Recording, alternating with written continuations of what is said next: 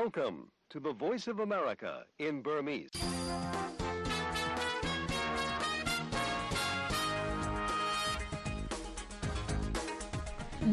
မင်္ဂလာမနက်ခင်းပါခင်ဗျာ။ American ပြည်တော်စုမြို့တော် Washington DC ကနေ2024ခုနှစ် February လ26ရက်တနင်္လာနေ့မနက်ပိုင်း6နာရီကနေ9နာရီထိ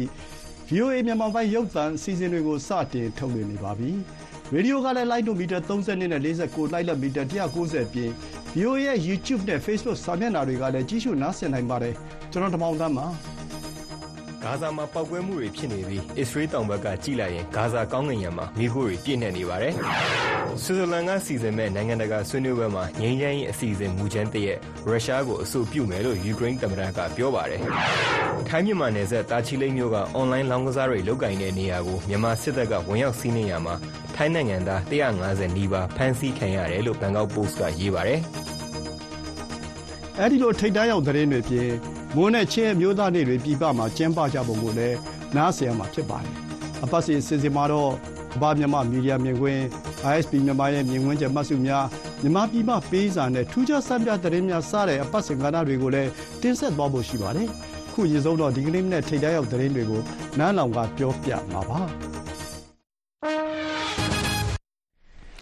လူဦးရေ ၂.၃ သန်းတို့ ခိုလှုံနေကြတဲ့ ဂါဇာဒေသတောင်ဘက်စွန်းရာဖာမြို့မှာ ပေါက်ကွဲမှုတွေ ဆက်ဖြစ်နေပါတယ်။ပထမဆုံး ထိုးစစ်တွေစတင်ခဲ့တဲ့ ဂါဇာဒေသ မြောက်ဘက်ပိုင်းဒေသတချို့မှာလည်း လက်ရှိအချိန်ထိ တိုက်ပွဲတွေ ဆက်လက်ပြင်းထန်နေတဲ့အတွက် အပျက်အစီးတွေလည်း အတော်များပါတယ်။ဂါဇာစီးတီးထဲကဇေတုန်အရပ်မှာ တနင်္ဂနွေနေ့မနက်အထိ ရက်တွေနဲ့ချီ တိုက်ပွဲမပြတ်ဖြစ်နေတယ်လို့ ဒေသခံတွေက ပြောပါတယ်။ဂါဇာနဲ့ အီဂျစ်နိုင်ငံနယ်စပ်ရာဖာမြို့ကို ထိုးစစ်ဆင်ဖို့ အစ္စရေးလ်ကပြင်ဆင်နေချိန်မှာ ခုလို တိုက်ခိုက်မှုတွေ မပြတ်ပေါ်ပေါက်နေတာပါ။ လူမှုကူညီရေးအဖွဲ့တွေကတော့ လူသားချင်းစာနာမှုဆိုင်ရာ ဘေးဆိုးကြီး ကျရောက်နိုင်တယ်လို့ သတိပေးထားသလို အမေရိကန်နဲ့ အစ္စရေးရဲ့တခြားမဟာမိတ်နိုင်ငံတွေကလည်း အရပ်သားတွေကို အန္တရာယ်မပြုဖို့ သတိပေးပြောဆိုထားပါတယ်။အစ္စရေးနဲ့ဟာမတ်စ်တို့ကြား ရက်သတ္တပတ်ကြာ အပစ်အခတ်ရပ်စဲရေးနဲ့ ဂါဇာမှာထိန်းသိမ်းထားတဲ့ ဒါဇင်နဲ့ချီတဲ့ဓားစာခံတွေကို လွှတ်ပေးရေး စေ့စပ်ညှိနှိုင်းမှုတွေမှာ တိုးတက်မှုရှိတယ်လို့ အစ္စရေးသတင်းမီဒီယာတွေက တနင်္ဂနွေနေ့မှာ ဖော်ပြပါတယ်။ ဟာမတ်စ်တို့အုပ်ချုပ်နေတဲ့ ဂါဇာဒေသရဲ့ ကျန်းမာရေးဝန်ကြီးဌာနကတော့ စစ်ပွဲစတင်ခဲ့တဲ့အချိန်ကတည်းက ပါလက်စတိုင်းက လူ၃သောင်းနီးပါးသေဆုံးပြီး သူတို့ထဲက သုံးပုံနှစ်ပုံကတော့ အမျိုးသမီးနဲ့ ကလေးတွေငယ်တွေဖြစ်တယ်လို့ ပြောပါတယ်။ဆွစ်ဇာလန်နိုင်ငံကစီစဉ်တဲ့ ငြိမ်းချမ်းရေးထိပ်သီးအစည်းအဝေးမှာ ရုရှားတို့ရဲ့နှစ်နှစ်ကြာစစ်ပွဲ အဆုံးသတ်နိုင်ရေး ယူကရိန်းနိုင်ငံရဲ့ မျှော်မှန်းချက်ကို ဖော်ပြခွင့်ရဖို့ မျှော်လင့်ကြောင်း အဲဒီငြိမ်းချမ်းရေးအစီအစဉ်မူကြမ်းကို ရုရှားဆီတင်ပြမယ်လို့လည်း ယူကရိန်းသမ္မတ Vladimir Zelensky ကတနင်္ဂနွေနေ့မှာ ပြောပါတယ်။ ဒီနွေဦးပေါက်မှာငြိမ်းချမ်းရေးအစီအစဉ်စတင်နိုင်မယ်လို့မျှော်လင့်သလိုတန်တမာရေးအစပျိုးဆောင်ရွက်မှုတွေဆုံးရှုံးသွားလို့မဖြစ်ဘူးလို့လည်းသမ္မတ Zelensky က Kyiv မြို့မှာသတင်းထောက်တွေကိုပြောဆိုခဲ့တာပါ။ ယူကရိန်းကို ကျူးကျော်တိုက်ခိုက်နေတဲ့ ရုရှားစစ်အဆုံးသတ်ရေး အနာဂတ်ငြိမ်းချမ်းရေး ညီလာခံတွေမှာ ယူကရိန်းနဲ့ မဟာမိတ်နိုင်ငံတို့က ရုရှားကို ဖိတ်ခေါ်ဆွေးနွေးနိုင်စရာ ရှိပါတယ်လို့လည်း သမ္မတဇလန်စကီရဲ့ အရာရှိချုပ်အန်ဒရီယာမခ်ကပြောပါတယ်။ဒီစစ်ပွဲကို အောင်နိုင်ရေးဟာ အနောက်နိုင်ငံတွေရဲ့ အကူအညီပေါ်မှာ မူတည်နေသလို ယူကရိန်းအတွက် မဟာမိတ်နိုင်ငံတွေက တာဝေးပစ်ဒုံးကျည်တွေ ထောက်ပံ့ပေးမယ့် အလားအလာတွေမှာလည်း သူ့အနေနဲ့ အပေါင်းလက္ခဏာဆောင်တဲ့ ခံစားမှုတွေ ရှိနေပါတယ်လို့ သမ္မတဇလန်စကီကသတင်းထောက်တွေကို ပြောဆိုသွားပါတယ်။ ရုရှားရဲ့ကျူးကျော်စစ်နဲ့ရင်ဆိုင်နေရတဲ့ယူကရိန်းနိုင်ငံအပေါ်ထောက်ခံမှုတွေခိုင်မာအားကောင်းလာအောင်ရည်ရွယ်ချက်နဲ့ပြင်သစ်သမ္မတ Emmanuel Macron ကဥရောပခေါင်းဆောင်တွေကိုတ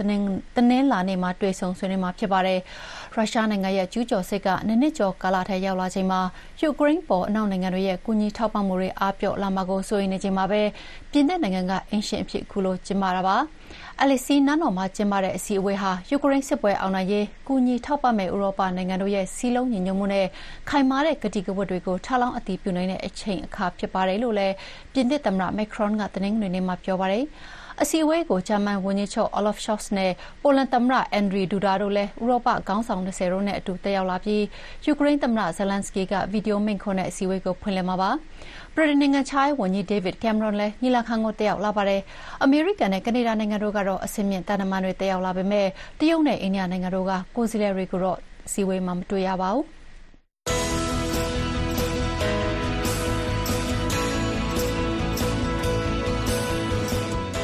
VOA American အတန်းမနေ့ဖက်မြန်မာဘာသာအစီအစဉ်တွေကိုမနေ့6နာရီကနေ9နာရီထိလိုင်းဒိုမီတာ32 kHz 9335နဲ့9383ည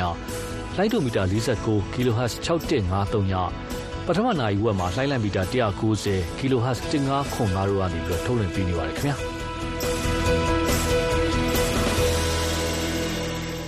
VOA မြန်မာပိုင်းရဲ့သတင်းလာနေမနေ့ခင်အစီအစဉ်တွေကိုဆက်ပြီးတော့ထုတ်လွှင့်နေပါတယ်။ ထိုင်းမြန်မာနယ်စပ် တာချီလိတ်မြို့က အွန်လိုင်းလောင်းကစားတွေ လုပ်ကိုင်နေတဲ့နေရာကို မြန်မာစစ်တပ်က ဝင်ရောက်ဖမ်းဆီးရမှာ ထိုင်းနိုင်ငံသား148ဦး အဖမ်းခံခဲ့ရတယ်လို့ မြန်မာစစ်ကောင်စီက ထုတ်ပြန်ပါတယ်။တာချီလိတ်မြို့ ဆန်ဆိုင်ရပ်ကွက်ထဲက 1G1 ဟိုတယ်အနောက်ဘက် အွန်လိုင်းလောင်းကစားလုပ်ငန်း ၃ ခုကို ပြီးခဲ့တဲ့ကြာသပတေးနေ့က ဝင်ရောက်ရှာဖွေစီးနင်းခဲ့တာမှာတော့လူ900နီးပါး ဖမ်းဆီးခံရပြီး တရုတ်နိုင်ငံသားတဦး မြန်မာနိုင်ငံသား940နဲ့ ထိုင်းနိုင်ငံသား148ဦး ပါဝင်တယ်လို့ သတင်းမှာ ဖော်ပြထားပါတယ်။ ကွန်ပျူတာတွေ ဖုန်း မော်တော်ကားနဲ့ မော်တော်ဆိုင်ကယ်တွေကိုပါ မြန်မာစစ်ဘက်တာဝန်ရှိသူတွေကတင်ယူခဲ့တယ်လို့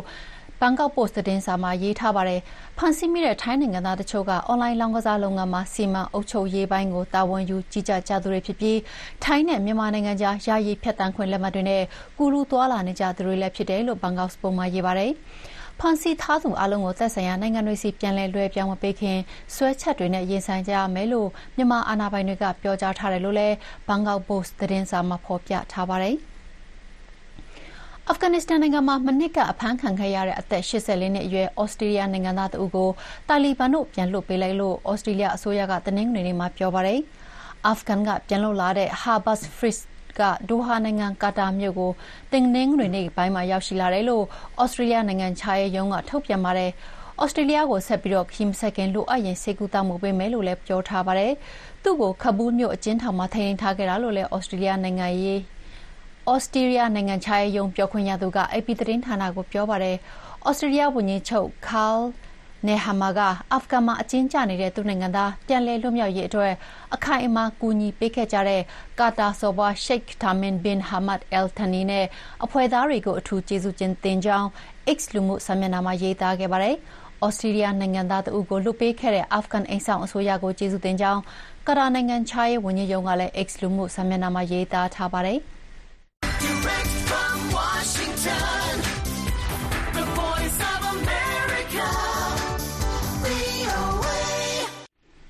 တနင်္လာနေ့မနေ့နောက်ဆုံးရသတင်းတွေကိုနန်းနောင်ကကြီးညာပေးခဲ့တာပါအခုတော့သတင်းဆောင်ပါတွေကိုကြားကြရတော့မှာပါ86နှစ်မြောက်ချင်းမျိုးသားတွေအခမ်းအနားကိုဝါရှင်တန်မြို့တော်အနီးမှာ February 24ရက်ဒေသအချိန်ညနေပိုင်းမှာကျင်းပခဲ့ပြီးမြို့တော်တဝိုက်ပြင်ပြည်내အသီးသီးကချင်းမီသားစုတွေတက်ရောက်ခဲ့ကြပါတယ်ပြည်တွင်းချင်းဒုက္ခသည်တွေကိုကူညီဖို့အတွက်လည်းဒီပွဲမှာရန်ပုံငွေရှာခဲ့ကြတာကိုကိုစီသူကပြောပြပေးမှာပါ။ ဝါရှင်တန်မြို့တော်တဝိုက်ချင်းတိုင်းရင်းသားမိသားစုတွေရဲ့86နှစ်မြောက်ချင်းမျိုးသားနေ့အခမ်းအနားဆိုပေမဲ့လည်းအမေရိကန်ပြည်ထောင်စုပြည်내အသီးသီးမှာရောက်နေကြတဲ့ချင်းမိသားစုတွေလာရောက်ကြတဲ့အခမ်းအနားဖြစ်ပါတယ်။ရိုးရာဖျော်ဖြေပွဲမကျင်းပခင်ချင်းရိုးရာအစားအသောက်တွေရိုးရာပစ္စည်းတွေလည်းရောင်းချတဲ့အကြောင်းအခမ်းအနားစီစဉ်သူတွေတဲကတူဖြစ်တဲ့ဝါရှင်တန်မြို့တော်တဝိုက်ချင်းမိသားစုအဖွဲ့အမှုဆောင်အဖွဲ့ဝင်တူဖြစ်သူကျင်းလုံက VOA ကိုပြောပြပါရယ် ဟုတ်တယ်ဒီနေ့ကအာချင်းမျိုးသားနေ့ကကျမတို့ February 20ရက်နေ့မှာပေါ့နော်နှစ်စဉ်တစ်တိုင်းကျင်းပတယ်ဒါပေမဲ့အာဒီနိုင်ငံရဲ့အခြေအနေအရကျမတို့ကအနီးကပ်ဆုံးစားတရိတ်မှာလောက်တဲ့အတွက်ကြောင့်မလို့ February 24ရက်နေ့မှာဒီနေ့ကျင်းပတာပါဒါကတော့ Chin Community of uh, USA DC area ကဖြစ်ပါတယ်လို့ခုရောက်တဲ့ အာအဖွဲ့အစည်းတိုင်းကပေါ့နော်အာအဖွဲ့အစည်းတိုင်းကသူတို့ကအာမြန်မာပြည်မှာအာမီရှင်တွေဖြစ်ဖြစ်ပြီးတော့မှသူတို့အဲ့လိုမျိုးစစ်ဘေးဒုက္ခရှောင်တွေပဲဖြစ်ဖြစ်မိဘမဲ့အကြောင်းတွေပဲဖြစ်ဖြစ်အဲ့လိုမျိုးထောက်ပံ့တာတွေကိုသူတို့အကုန်လုံးပြန်ပြီးတော့မှလှူဒန်းတဲ့ဟာဖြစ်တယ်ကျမတို့ကသူတို့ဆီကပတ်စံမယူဘူးအာသူတို့အာကြိုက်တဲ့ဒေတာမှာပေါ့နော်သူတို့ကအာလှူခွင့်ရှိတယ်အဲ့ဒါဆိုတော့ရောင်းရတဲ့ရန်ပုံငွေအားလုံးကတော့မြန်မာပြည်အတွက်ပါပဲ ဝါရှင်တန် DC, Maryland, Virginia ပြည်နယ်တဝိုက်မှာ ချင်းတိုင်းရင်းသားမိသားစုတွေ3000လောက်အထိ ရှိမယ်လို့ ပြီးခဲ့တဲ့နှစ်တွေက ခန့်မှန်းထားပေမဲ့ ချင်းအတိုင်းဝိုင်း ချင်းအဖွဲ့အစည်းဟာ ပိုပြီးတော့ ကြီးထွားလာတယ်လို့ ချင်းမိသားစုတွေက ပြောပါတယ်။ချင်းမျိုးသားတွေဟာ ချင်းတိုင်းရင်းသားတွေရဲ့နေချက်ဆန့်ကျင်ရေး အမျိုးသားရေးစိတ်ဓာတ်နဲ့ ကိုယ်ပိုင်လွတ်လပ်ရေးဒန်းတူရေး ကြိုးပမ်းမှုတွေကို အခြေခံပေါ်ပေါက်ခဲ့တာလို့ ဝါရှင်တန်မြို့တော်တဝိုက် ချင်းမိသားစုအဖွဲ့ ဥက္ကဋ္ဌ ပူထောင်ခန်ခွတ်ကခမ်းနားမှာ ပြောပါတယ်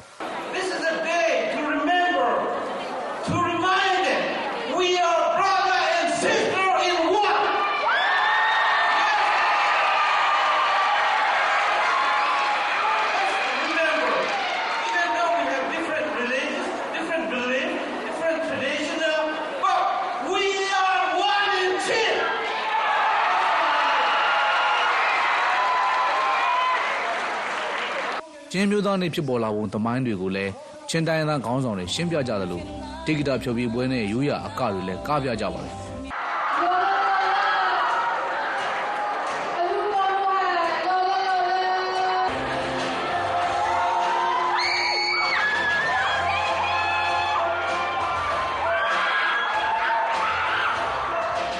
အနာမှာအမျိုးသားညီညွတ်ရေးဆိုရအဖွဲ့ NUG ကဝန်ကြီးတွေနဲ့ကိုယ်စားလှယ်တချို့ကိုဖိတ်ကြားခဲ့ပါတယ်။ ကုလသမဂ္ဂဆိုင်ရာမြန်မာအမြဲတမ်းကိုယ်စားလှယ်တာမတ်ကြီးဦးကျော်မိုးထွန်းကအထူးဧည့်သည်တော်အဖြစ်တက်ရောက်မင်ကုန်းပြောကြားခဲ့ပါတယ်စစ်တပ်ရဲ့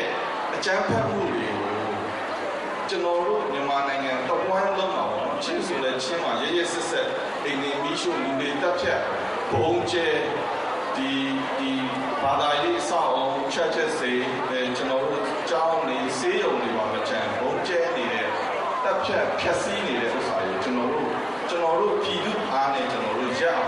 ကျွန်တော်တို့လုပ်ရပါမယ်လုပ်လဲလုပ်နိုင်ရပါမယ်အခုဆိုရင်အားလုံးပြည့်တဲ့အတိုင်းစစ်တပ်ကတဲတဲပဲကြံပါတော့တယ် Dr. Myo Min Zong, Dr. Philosophy and Mechanical Engineering, အစဉ်နှစ်တိုင်းအစဉ်လာမပြတ်ဝါရှင်တန်မြို့တော်တဝိုက်ချင်းမိသားစုတွေတဲကပညာထူးချွန်ပြီးအမေရိကန်ပြည်ထောင်စုတက္ကသိုလ်ကောလိပ်တွေမှာပွဲအသီးသီးရခဲ့ကြသူတွေကိုလည်းအတိမတ်ပြုဂုံပြုစုပေးကြပါတယ်။ ပြည်ပနိုင်ငံတစ်ခုမှာရက်တည်ရတဲ့အချိန်ချင်းလူမှုအဖွဲ့အစည်းကြားပညာတတ်တွေပေါ်လာဖို့ကိုလည်းချင်းတိုင်းသားခေါင်းဆောင်တွေကအားပေးကူညီကြပါတယ်။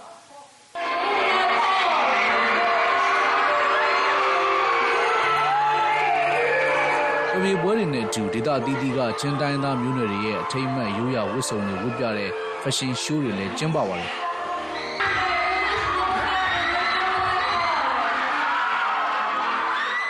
လေးငယ်တွေရိုးရာဝတ်စုံနဲ့ရှောက်ပြတဲ့ fashion show ကတော့အခမ်းအနားအစီအစဉ်တွေတဲကလူများအားပေးမှုအများဆုံးအစီအစဉ်တစ်ခုဖြစ်ခဲ့ပါတယ်ဒီနေ့အဝေးရောက်ချင်းတိုင်းသားမိသားစုတွေပြည်ပမှာချင်းမျိုးသားတွေကျင်းပနေတဲ့အချိန်မြန်မာနိုင်ငံအတွင်းကချင်းပြည်နယ်မှာလက်နက်ကင်ပြိပခါနဲ့လူသားချင်းစာနာမှုအကြက်တဲမျိုးစုံရင်ဆိုင်နေရတဲ့အချိန်ဖြစ်ပါတယ်။အိန္ဒိချင်းအိန္ဒိယနိုင်ငံနဲ့ပြည်ပနိုင်ငံတွေကိုထွက်ခွာလာတဲ့ချင်းတိုင်းသားတွေများလာသလိုအိုးမဲအိမ်မဲအတိဒုက္ခရောက်သူတွေလည်းများလာနေတဲ့အချိန်ဖြစ်ပါတယ်။ လူရအစင်လာကို ထိမ့်သိမ့်ဖို့ အခမ်းအနားတွေ ကျင်းပကြတဲ့အချိန်ထဲမှာ ပြည်တွင်းက အိုးမဲအိမ်မဲချင်းတိုင်းသား ဒုက္ခသည်တွေကို ကူညီဖို့အတွက် အဝေးကနေ ထောက်ပံ့ကူညီနိုင်ဖို့ ကြိုးစားတာ စီစဉ်တာတွေလည်း အခမ်းအနားမှာ တွေ့ရကြောင်းပါခင်ဗျာ။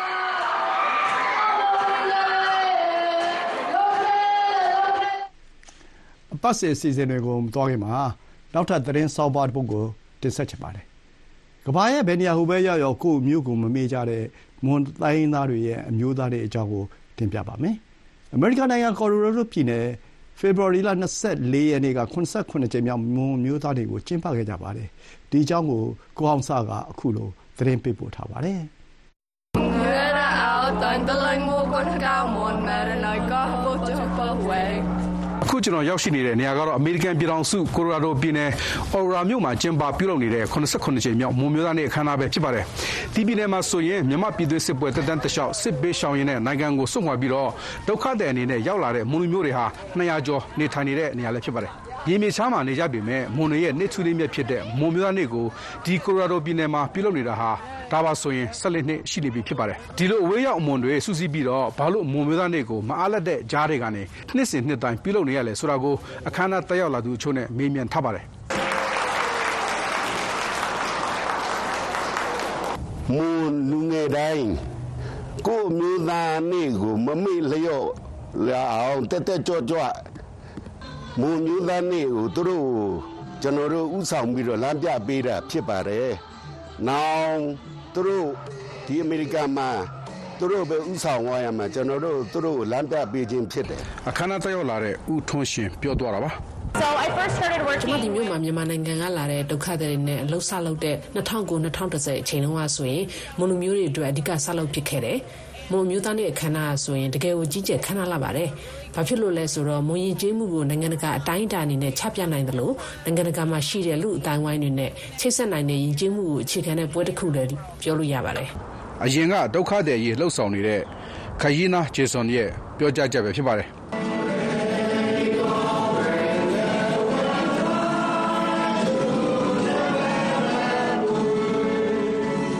အာမွန်စာပေရဲ့မွန်ရည်ချင်းမှုတွေအာထလက်တောင်းဆန်းတွေမပြောက်ကွယ်ရအောင်ဆက်လက်ထိန်းသိမ်းဖို့ဟာမျိုးဆက်သစ်လူငယ်တွေလက်စိကမ်းဖို့အတွက်ဆိုရင်ဒါကြောင့်ပေါ့အာဒီနေ့ဟာအရင်ရေးကြီးပါတယ်လို့ဟိုပြောစေချင်တယ်မ Mon American Association ဥက္ကဋ္ဌဟောင်းနိုင်ချန်မိုပြောသွားတာပါ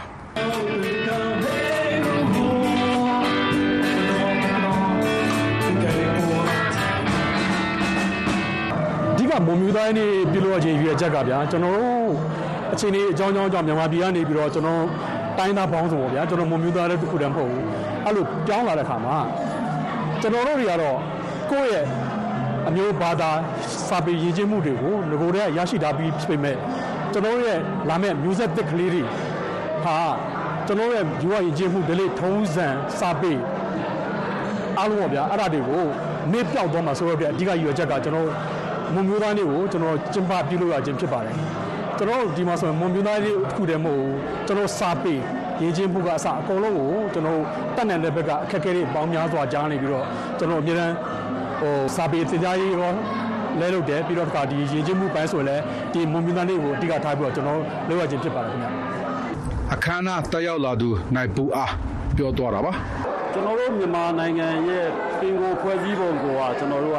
တကယ့်ကိုဟို ရောင်းစုံပန်းကင်းကြီးတစ်ခုလိုပဲကျွန်တော်တို့မှာ diversity လို့ခေါ်တဲ့ကျွန်တော်တို့မွန်ကချင်ကရင်ချင်းရခိုင်အဲစသည်ဖြင့်ကျွန်တော်တို့မှာတိုင်းရင်းသားလူမျိုးစုပေါင်းများစွာကိုယ့်ရဲ့ကိုယ်ပိုင်ရိုးရာယဉ်ကျေးမှုကိုယ်ပိုင်ဘာသာစကားကိုယ်ပိုင် unique ဖြစ်တဲ့တီးခြားဖြစ်တဲ့ကျွန်တော်တို့ရဲ့ဝိသေသလက္ခဏာတွေကိုပိုင်ဆိုင်ထားပြီးသားဖြစ်တယ်ကိုလိုရာဒိုရောက်မြန်မာနိုင်ငံသားများအသင်းဥက္ကဋ္ဌဦးလှိုင်မိုးတန်း ပြောသွားတာပါအခုလူငယ်ရအရန်တင်ရတာခက်တယ်သူတို့က hip hop ဆိုတာပဲကြားဘူးတယ်အခုကပေါ့နော်သူတို့ရိုးရိုးလေးကောက်ဖို့အမနှဲကိုတင်ရတယ်အဲ့ဒါကြောင့်မို့မမေ့ရလေတော့အခုလိုမျိုးဆက်ပြီးတော့တင်ပေးနေတာပေါ့နော်ဂုံယူတာပေါ့ကိုကလည်းအရင်တော့လည်း Mon National မှာအမြဲကလာလေကိုကကိုရဲ့ရင်ကျေးမှုကိုအရန်မျက်နှိုတဲ့လူတစ်ယောက်ဆိုတော့အမြဲတမ်းကိုရဲ့ရင်ကျေးမှုကို အမြဲယူရကျင်တာပြီးတော့ပဲကိုကရှစ်ဆက်ပြီးတော့လက်တွဲနေရပဲပေါ့နော်ကိုကလူကြီးရဲ့ကူညီလုံရင်ကိုကကပေးလိုက်တယ်ပြောကြမလို့ကိုကစူးစမ်းပေးရပေါ့နော်မုံရင်ကျေးမှုအကတင် जा ပေးနေတဲ့အကဆရာမလင်းကပြောသွားတာပါ မမိုကျွေးလို့ခေါ်တဲ့တဘိုးရဲလိုက်ပြည့်ကျော်တရက်နေ့မှာမြန်မာပြည်သွင်းကမွန်လူမျိုးတွေတရက်ထဲတစ်ချိန်တည်းမှာ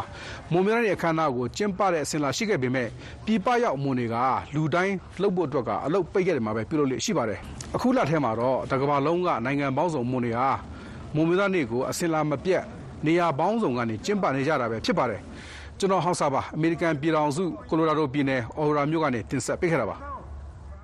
VOA American တန်ရဲ့သတင်းမှန်သတင်းမြန်တွေကို Telegram လူမှုကွန်ရက်စာမျက်နှာမှာလည်းရှုစားနိုင်ပါတယ်။ VOA Telegram စာမျက်နှာလေးစာ t.me/burmese.news မှာ join လုပ်ပေါ်ချိတ်ဆက်ရရပါရှင်။အခုတော့အပတ်စဉ်အစီအစဉ်တွေလိုက်ကြလာပါပြီ2010ပြည့်စစ်မှုထမ်းဥပဒေကိုစစ်ကောင်စီကအသက်တွင်းလိုက်တာဟာတစ်ချိန်တည်းမှာပဲတိုင်းဒေသလက်နက်ကိုင်အဖွဲ့တွေကလည်းတပ်သားသစ်စုဆောင်းမှုလူငယ်တွေကိုဖိတ်ခေါ်လာပါတယ် အတင်းကျပ်စုဆောင်းတဲ့နီလန်အသုံးပြုတာနဲ့ မိမိစန္ဒအရ ကိုယ်တိုင်ပါဝင်ကြဖို့ ဘယ်လိုကွာခြားပါသလဲ အမေရိကန်မြန်မာ အရပ်ဘက်စစ်ဘက် ဆက်ဆံရေး ကျွမ်းကျင်သူ အမေရိကန်စစ်တပ်ငြိမ်းစာဒုတိယဗိုလ်မှူးကြီး ဒေါက်တာ ဒေါ်မီမီဝင်းဘတ်ကို Zoom ကနေ မအင်ဂျင်နိုင်ကအခုလိုဆက်သွယ်မေးမြန်းထားပါတယ်။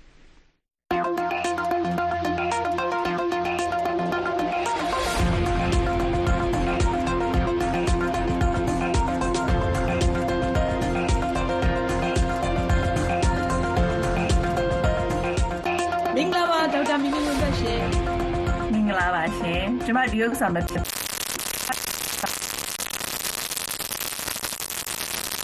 ဥစ္စာတွေအားလုံးကကျမပုံကိုတယောက်အနေနဲ့သုံးသပ်သွားတာပါ။ဒီပြအဖွဲ့ဥမှာကူစားပြီးပြီးတော့ပြောသွားတာမဟုတ်ပါဘူးလို့ပြောချင်ပါတယ်ဟုတ်ကဲ့ရှင်အခုပထမဆုံးမေးချင်တာကဒီ ဒီမြန်မာစစ်တပ်ကနေပြီးတော့ သူတို့ ပြည်သူစစ်မှုထမ်းဥပဒေကို ပြန်ပြီးတော့ အသက်သွင်းနေပေါ့နော် အဲ့ဒီလို အသက်သွင်းပြီးတဲ့နောက်ပိုင်းမှာတစ်ချိန်တည်းမှာပဲဒီတိုင်းသားလက်နက်ကိုင်ဖွဲ့တွေပေါ့နော်ဒီလူငယ်တွေအနေနဲ့ဒီသူတို့ တိုင်းသားလက်နက်ကိုင်ဖွဲ့တွေမှာလည်း ပါဝင်လို့ရတယ်ဆိုတာမျိုး သူတို့ ဖိတ်ခေါ်တာတွေလည်းလှုပ်လာတယ်ပေါ့လေ ဆိုတော့ အခုဒီစစ်ကောင်စီကဒီအခု စစ်မှုထမ်းဥပဒေကို ပြန်ပြီး အသက်သွင်းလိုက်တဲ့ ပုံစံမျိုးနဲ့ တခါ အခု တိုင်းသားလက်နက်ကိုင်ဖွဲ့တွေကလည်း လူငယ်တွေကို ပြန်ပြီးတော့ ဖိတ်ခေါ်နေတယ် သူတို့ လက်နက်ကိုင်ဖွဲ့တွေနဲ့ဝင်ဖို့ဆိုတာအဲ့ဒါတွေမှာဘယ်လိုသုံးသပ်မိလဲဘယ်လိုကွာခြားမှုတွေရှိနေလဲရှင်။อืมအဲ့ဒီတစ်ခုကကွာခြားတယ်တစ်ဖက်ကကြတော့အတင်းအားဓမ္မမရရရတဲ့နီးနဲ့လူတွေကိုလိုက်တောင်မဖမ်းပြီးတော့ဒီဥစ္စာဟိုနေအာလူတွေဒီစစ်တပ်ထဲဝင်ဖို့သူတို့လုပ်နေတယ်ဟိုဘက်ကြတော့ဟိုဗာလေတိုင်းသားလက်နက်ကင်တွေဘက်ကကြတော့သူတို့ဖိတ်ခေါ်တာဖိတ်ခေါ်တာ right voluntary voluntary အဲ့ဒါနှစ်ခုကွာတယ်အဲ့ဒီနှစ်ခုကွာတဲ့အခါကျဘာကြောင့်လဲဆို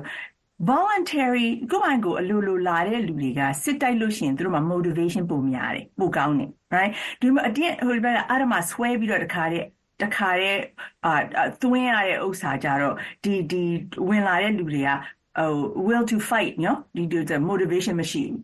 ဆိုအဲ့ဒီဥစ္စာနှစ်ခုอ่ะกว่า right ဆိုတော့အာဆိုသူတို့ပြန်မေးရမှာဒီဘက်ကကြတော့ဘာကြောင့် အတင်းခေါ်ရတာလဲ right ဟိုဘက်ကကြတော့အလိုလိုသူတို့ဗာလဲ volunteer အနေနဲ့တော့လူတွေကိုဖိတ်ခေါ်လိုက်တယ်သူတို့ပိုင်းသူတို့ဝင်လာတာအဲ့ဒီဥစ္စာတွေကစဉ်းစားဖို့လိုအပ်တာပေါ့နော်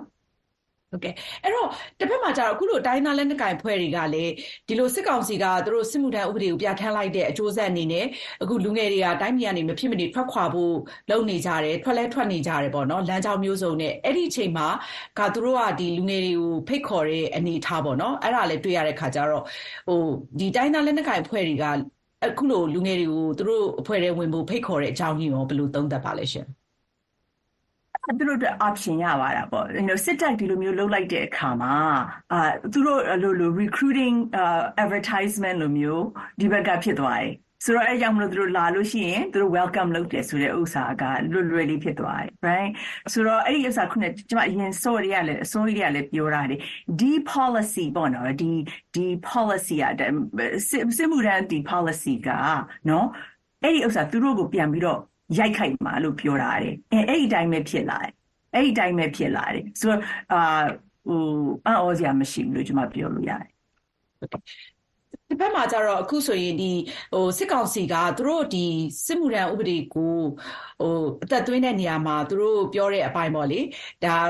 အကြောင်းပြတဲ့တဲမှာလည်းတခြားနိုင်ငံတွေမှာလည်းဒီလိုမျိုးမဖြစ်မနေစစ်မှုထမ်းရတဲ့ဥပဒေမျိုးတွေရှိတယ်ပေါ့သူတို့ကြောင့်မှလောက်တာမဟုတ်ဘူးပေါ့လေဆိုတော့အဲ့တော့ဒီလိုတခြားနိုင်ငံတွေမှာမဖြစ်မနေစစ်မှုထမ်းဥပဒေပြဋ္ဌာန်းလိုက်တဲ့အခြေအနေမျိုးအခုနောက်မြန်မာနိုင်ငံမှာစစ်ကောင်စီကဒီလိုစစ်မှုထမ်းဥပဒေကိုအသက်သွင်းလိုက်တဲ့အခြေအနေအဲ့ဒါတွေကရောဘယ်လိုကွာခြားမှုတွေရှိလဲရှင်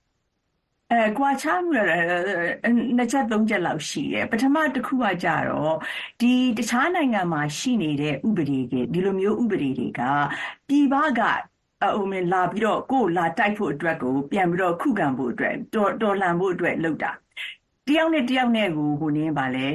ပြည်ထဲနဲ့မှာပြည်ပြည်တွင်းထဲမှာတယောက်နဲ့တယောက်ကိုဖိနှိပ်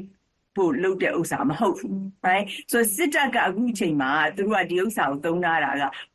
ပြည်သူပြည်သားကိုနှိပ်ကွပ်ဖို့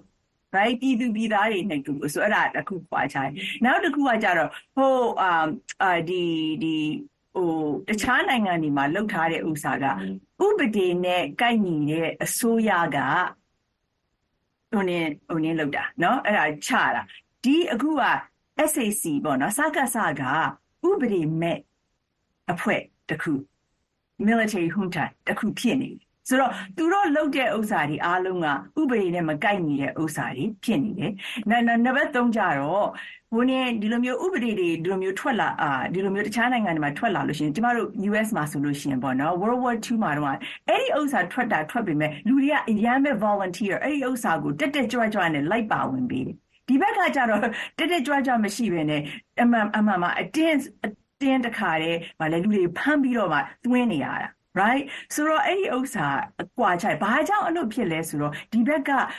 စစ်တပ်က professional မဟုတ်လို့နော်စစ်တပ်ကသူတို့ပြည်သူလူထုရဲ့ထောက်ထောက်ခံမှုမရှိတော့လို့ right အဲ့ဒါကြောင့်မလို့သူတို့အဲ့လိုမျိုးအတင်းအားဓမ္မ force သုံးပြီးတော့လူတွေကိုဆွဲခေါ်နေရတာ right ဆိုအဲ့ဒီဥစ္စာအ ਨੇ ဆုံးဒီသုံးအာကွာခြားတာရှိတယ်လို့ပြောလို့ရတယ်ဟိုစစ်ကောင်စီကအကြောင်းပြတာကတော့ဟိုဒီ သတင်းမီဒီယာတွေဘက်ကပေါ့နော် မှန်မှန်မကန်ဟိုသတင်းတွေထုတ်လွှင့်နေသူတို့စစ်မှုထမ်းဥပဒေကိုပြဋ္ဌာန်းတဲ့နေရာမှာဒါသူတို့ကတခါတည်းဟိုအသက်သွင်းတဲ့နေရာမှာပေါ့နော်သူတို့တခါတည်းဟိုဖော်ပြထားပြီးသားပေါ့လေအဲအဆင့်လိုက်သွားမှာဖြစ်တဲ့မြေစစ်မြေပြင်ကိုလည်းမလွတ်ခင်မှာသူတို့သင်တန်းတွေအရင်ပေးမှာဖြစ်တယ်လို့ဒီပညာဒီတက်တဲ့အပေါ်မှာလည်းသူတို့တွေကဟိုပိုင်းခြားပြီးတော့ပေါ့နော်အဆင့်လိုက်ကိုသူတို့ခွဲခြားပြီးတာဝန်ပေးမှာဖြစ်တယ်လို့ဘာလို့ပေါ့နော်သူတို့ပြန်ပြီးတော့ပြောဆိုတာလည်းရှိတယ်တစ်ဖက်မှာလည်းလူငယ်တွေကဒီစစ်တပ်ကသူတို့ကိုလူသားတိုင်းဖြစ်စစ်မြေပြင်မှာအသုံးချမအောင်လဲစိုးရိမ်နေတယ်လို့အထူးသဖြင့်ဒီဥပဒေကြောင့်ပေါ့လေသူတို့လမ်းသွားလမ်းလာလုပ်ရင်တောင်မှမှသူတို့ချိန်မရွေးကိုဖမ်းဆီးပြီးတော့စစ်မြေပြင်ကိုပို့မလားဆိုတဲ့စိုးရိမ်မှုတွေလည်းရှိနေတယ်ဆိုတော့အဲ့ဒါဘာကြောင့်အဲ့လိုကွာနေတာလဲရှင်ဒီอืมဒီစိုးရိမ်မှုတွေကဘာကြောင့်လဲဆိုတော့တကယ်တကယ်သတင်းတွေဖြစ်နေတာတကယ်သူတို့ kidnapping you know ဆွဲနေကြတာ right သူတို့အပြင်သွားဒီအများကြီးပဲဒီလိုမျိုး report တွေအများကြီးပဲထွက်လာပြီ ဒီဥစ္စာ fake news မဟုတ်ဘူးတကယ်မြန်မာနိုင်ငံထဲမှာနေတဲ့လူတွေကဒီဒီလူမျိုးတွေပြောနေကြတာဟိုလူပြောက်သွားပြီဒီလူပြောက်သွားပြီဟိုဆွဲဟိုလူဆွဲခံထီပြီဒီလူဆွဲခံထီပြီဆိုတော့အဲ့ဒီဥစ္စာကဒါကြောင့်မလို့ကလေးတွေကစိတ်ပူနေတာ right သူတို့စိတ်ပူစရာလည်းရှိတယ်နောက်တစ်ခုကျတော့စစ်တပ်ကခုနပြောသလိုပဲ professional စစ်တပ်မဟုတ်တော့လို့အတွက် right ဘယ်သူမှမဝင်ကျင်ဘူးတကယ်လို့ဒီစစ်တပ်က professional ဖြစ်မယ်တကယ်စစ်တပ်ကတကယ်နိုင်ငံကိုကာကွယ်ပေးနေတဲ့စစ်တပ်ဖြစ်တယ်ဆိုလို့ရှိရင်လူတွေဝင်သူတို့က voluntarily ပေါ့နော်အလိုလိုဝင်လိမ့်မယ်ဒီလိုမျိုးလိုက်ပြီးတော့ဖန်ဆီးပြီးတော့လှုပ်ရတယ်ဆိုရက်ဆိုတာနဲ့ဒီဒီဒီဒီဥစ္စာရာဇဝတ်ဂိုင်းရဲ့လုံမျိုးလုံနီလုံဟန်နေပေါ့နော်ဒါ human trafficking အော် ဟိုဗာလဲရာဇဝတ်ဂိုင်းနေလုတ်တဲ့လုံနီလုံဟန်နေနောက်ပြီးတော့အာအာအဲ့ဒီကအဲ့လိုမျိုးလုတ်ရတယ်ဆိုတဲ့ကရှုံးသွားပြီလုတ်ရတယ်ဆိုတဲ့ကရှုံးသွားပြီဘာလို့ဆိုအာယုံကြည်မှုမရှိလို့ပြည်သူလူထုရဲ့ယိုသိမှုမရှိလို့ပြည်သူလူထုရဲ့လက်ခံမှုမရှိလို့ ဆိုဆိုကဒေါက်တာမီမီဝင်းဘတ်ပြောသွားတဲ့ထဲမှာ professional army ပေါ့နော်ဒီစစ်တပ်ကတကယ်ကိုအရေးချင်းပြည့်မီတဲ့ဟိုနိုင်ငံတကာအဆင့်မီတဲ့ဟိုစစ်တပ်မျိုးဖြစ်ဖို့ဆိုလို့ရှိရင်ပေါ့လေဒီဒီစစ်သားစုဆောင်တဲ့အပိုင်းမှာဘလို့လိုက်နာကျင့်သုံး ကြလဲရှင်ဥပမာဆိုရင်တိုင်းသားလက်နက်ကိုင်ဖွဲ့တွေကလည်းအခုသူတို့စစ်သားစုဆောင်ရေးတွေလောက်ကလောက်လာတဲ့နေရာမှာတချို့လူခွေရေးအဖွဲ့အစည်းတွေကထောက်ပြတာတွေလည်းရှိတယ်အတင်းအဓမ္မဟိုသူတို့နယ်မြေတွေမှာလည်းဟိုစစ်သားစုဆောင်တာမျိုးတွေပေါ့နော်ရှိနေတာဆိုမျိုးဆိုပြီးတော့ထောက်ပြရလည်းရှိတော့တကယ်အဲ့လိုအရေးချင်းပြင်းမိတဲ့ဒီလက်နက်ကိုင်တက်ဒီစစ်တပ်အနေနဲ့ဆိုရင်ဘလို့ပုံစံမျိုးသူတို့စစ်သားစုဆောင်ရေးမှာလိုက်နာကျင့်သုံးနေရှိလဲရှင်อืม ဟိုဒီ EAO တွေပေါ့နော်တကယ်အဲ့လိုမျိုးစစ်တပ်လိုမျိုးလိုက်ပြီးတော့ copy လုပ်ပြီးတော့ဒီလိုမျိုးလုပ်တယ်ဆိုလို့ရှိရင်သူတို့လည်းစစ်တပ်ရဲ့လက်လိုမျိုးပဲဖြစ်လိမ့်မယ်။ဘာလို့လဲဆိုတော့ဒီဥစ္စာ fail strategy ဒီဥစ္စာကမအောင်မြင်တဲ့လုံနီလုံရန်တစ်ခု right သူတို့ကိုလည်းပြန်လာခိုက်လိမ့်မယ်ဆိုတော့အဲ့ဒါလုပ်ဖို့လုံးဝမသင့် right အခုအချိန်မှာလူတွေက ဒီဒီအဖွဲ့အစည်းကကိုယ်ရိုသေစွာကိုယ့်ကို you know အာကိုယ့်ကို take care လုပ်မယ်နောက်ပြီး professional ရှိတယ်ဆိုလို့ရှိရင်ကိုယ့်ဒီအဖွဲ့ကိုလူတွေကအလိုလိုလာ join လုပ်လိမ့်မယ် right ဘာလို့ဆိုတော့သူတို့မှာ motivation ရှိတယ်ဒီဥစ္စာကိုပြန်တော်လာမှုဆိုအဲ့ဒါလုံးအဲ့လိုမျိုးအတင်းအားရမလောက်လာပြီဆိုတဲ့ကအဲ့ဒီဥစ္စာရှုံးဖို့ဒီဥစ္စာနီလန်းဖြစ်သွားပြီ right ဆိုတော့ကျွန်မပြောချင်တာကအာဒီဒီတကယ် ကိုယ့်အဖွဲ့အစည်းကိုလာပြီးတော့ join voluntarily join လုပ်မယ်လုပ်ချင်တယ်ဆိုလို့ရှိရင်ကိုယ့်ရဲ့အဖွဲ့အစည်းကကိုဝင်လာတဲ့လူတွေကို take care လုပ်ရမယ် right take care right နောက်ပြီးတော့သူတို့ကိုမှန်မှန်ကန်ကန်ဆက်ဆံရမယ်နောက်ပြီးတော့သူတို့ volunteer လုပ်လေလေပိုကောင်းလေ volunteer so you ဟိုခုနကျွန်မပြောမယ်ဟိုဗာလဲရုရှားမှာရုရှားမှာသိတယ်မလားရုရှားကပူတင်ကအရန် popular ဖြစ်တဲ့ president ရုရှားတဲ့ right ဒါပေမဲ့သူဒီဒီဒီအာ the စစ်မှုရန် policy ကိုလုတ်လိုက်တဲ့အခါမှာသူ့ရဲ့ဟိုနေနေက popularity ကျတယ်အများသောအားဖြင့်အမေတွေအမေတွေလုံးဝမကြိုက်ဘူးဆိုသူအဲ့ဒီမှာအဲ့ဒါပြုတ်ချက်အဲ့ဒါအဲ့ဒါအဲ့ဒီဥစ္စာကြီးဖြစ်တတ်တယ် right ဆိုတော့ဒီဒီ policy မျိုးကအရန်စဉ်းစားရတယ် popular ဖြစ်နေတဲ့ regime တောင်မှ government တောင်မှ ဒီလိုမျိုးလှုပ်လိုက်ရင် popularity ကျနိုင်တယ်ဆိုမြန်မာစစ်တပ်ကစရရ popular မရှိဘူးလူတွေထောက်ခံမှုမရှိဘူးအားလုံး illegitimate လည်းဖြစ်တယ် right ဆိုတော့သူတို့လှုပ်လေလေသူတို့အတွက်ကိုပြန်ပြီးတော့ထိခိုက်လေလေ ဖြစ်လာတယ်ညရခိုင်ပြည်နယ်မှာဒီလူမျိုးတုံးတပ်ဖြတ်မှုကိုဟိုကျူးလွန်ခဲ့တယ်ဆိုပြီးတော့ဆွဆွဲခံထားရတဲ့အခုစစ်တပ်ကနေပြီးတော့ဗောနော်သူတို့ကျူးလွန်ခဲ့တဲ့သူတို့ဖိနှိပ်ခဲ့တဲ့ဒီရိုဟင်ဂျာတွေကိုတခါစစ်တပ်ထဲဝင်ရမယ်ဗောနော်ဆိုပြီးတော့သူတို့လိုက်လံစီးယုံနေတာအာနောက်ပြီးတော့ချိတ်ချောက်တာတွေရှိနေတယ်ဆိုပြီးတော့ဒီဒေသခံရိုဟင်ဂျာတွေက VOA ကိုပြောပါတယ် ဆိုတော့အခုလိုမြန်မာစစ်တပ်ကသူတို့အရင်တော့ကတော့ရိုဟင်ဂျာတွေကအာဒါဒါမြန်မာနိုင်ငံသားတွေမဟုတ်ဘူးဆိုပြီးသူတို့မောင်းထုတ်ခဲ့တယ်ဒီလိုဖိနှိပ်ခဲ့တယ်ဆိုတဲ့အနေအထားနဲ့အခုကြတော့အဲခင်ဗျားတို့ကနိုင်ငံသားတွေဖြစ်တယ်နိုင်ငံသားတိုင်းဥပဒေလိုက်နာရမယ်ခင်ဗျားတို့ဝင်ရမယ်ဆိုပြီးတော့အခုအတင်းကျပ်စစ်တပ်ထဲဝင်ပြီးတော့ရခိုင်တွေကိုပြန်တိုက်ဖို့စစ်တပ်ပြောဆိုစည်းရုံးနေတဲ့အပေါ်မှာဒေါက်တာမီမီဝင်းဘတ်ဘယ်လိုသုံးသပ်ပါလဲရှင် ပထမပေါ့နော်ရိုဟင်ဂျာအာခမီးမြအရန်တနာဖို့ကောင်းတယ်ဟိုဟိုဆွဲခံတီဒီဆွဲခံတီဟို push တခုခုဖြစ်လို့ရှရင်သူတို့ပဲဟိုဗာလဲ suffering ပေါ့နော်အရန်ပဲခံခံရတယ်ဆိုတော့လေတနာဖို့အရန်တနာဖို့ကောင်းတယ်ဒီဒီ community တခုပါအခုနပြောသွားသလိုပဲအဲတော်ရင်ပြောသွားသလိုပဲပေါ့နော်ဒီဥစ္စာသူတို့လိုချင်လိုရလိုချင်တာဟို citizen မဟုတ်ဘူးမနေ့ဖန်ကြတော့ citizen ဖြစ်တယ်သူတို့လိုချင်တာ ਨੇ ဆိုဘလောင်းပလဲတွေပြောတယ်အဲ့ဒါကြောင့်မလို့လေလူတွေကသူတို့ကိုမယုံကြည်တာ right သူတို့လုပ်တဲ့ဥစ္စာတွေကတကယ်တရားမဝင်တာဘယ်လိုဆိုတရားတရားဒီလိုမျိုးတွေလုပ်တဲ့အခါမှာဒီသူတို့ရဲ့ credibility ပေါ့နော်သူတို့အရန်ကြတယ်ဆိုသူတို့လုပ်ချင်တဲ့တောင်သူဥပဒေသုံးစကားသုံးလိုက်ဟိုစကားသုံးလိုက်အမှန်မှာတော့သူတို့လုပ်နေတဲ့ဥစ္စာဥပဒေမဲ့အလုပ်ပဲလို့ပြောလို့ရပါတယ်ဟုတ်ကဲ့ကျေးဇူးတင်ပါတယ်ဒေါက်တာမီမီဝင်းဘတ်ရှင်အခုလိုအချိန်ပေးပြီးတော့ VOA မေးတဲ့မေးခွန်းတွေကိုဖြေဆိုပေးတဲ့အတွက်ကျေးဇူးတင်ပါတယ်ရှင်ကျေးဇူးပါ မန်ဂျင်နိုင်ရဲ့ ဒီမိုကရေစီဆွေးနွေးပါကမှာ မြန်မာနိုင်ငံတွင်းကစီးရေးအခြေအနေတွေကြောင့် တော်လှန်ရေးပေါ် အင်အားစုတွေရဲ့ အနေအထားတွေ ပြောင်းလဲသွားပါတယ်။အိန္ဒိယနိုင်ငံတွေ ဒေသအတွင်းနိုင်ငံတွေနဲ့ နိုင်ငံတကာရဲ့ သဘောထားအမြင်တွေ ပြောင်းလဲလာတာကိုလည်း တွေ့ရပါတယ်။အဲဒီလို ပြောင်းလဲလာတဲ့ နိုင်ငံတကာ အခြေအနေတွေကို အသုံးချနိုင်ရေးအတွက် နိုင်ငံတကာရောက် မြန်မာတွေ အထူးသဖြင့် အမေရိကန်ရောက် မြန်မာတွေရဲ့ အခမ်းကဏ္ဍ အရေးပါပုံကြောင်း ကမ္ဘာမြန်မာမီဒီယာမြင်ကွင်းကစောင်းပါရှင် ပြည်သိမ်းနိုင်တဲ့အတူ မအလိမ္မာကတင်ဆက်ထားပါတယ်။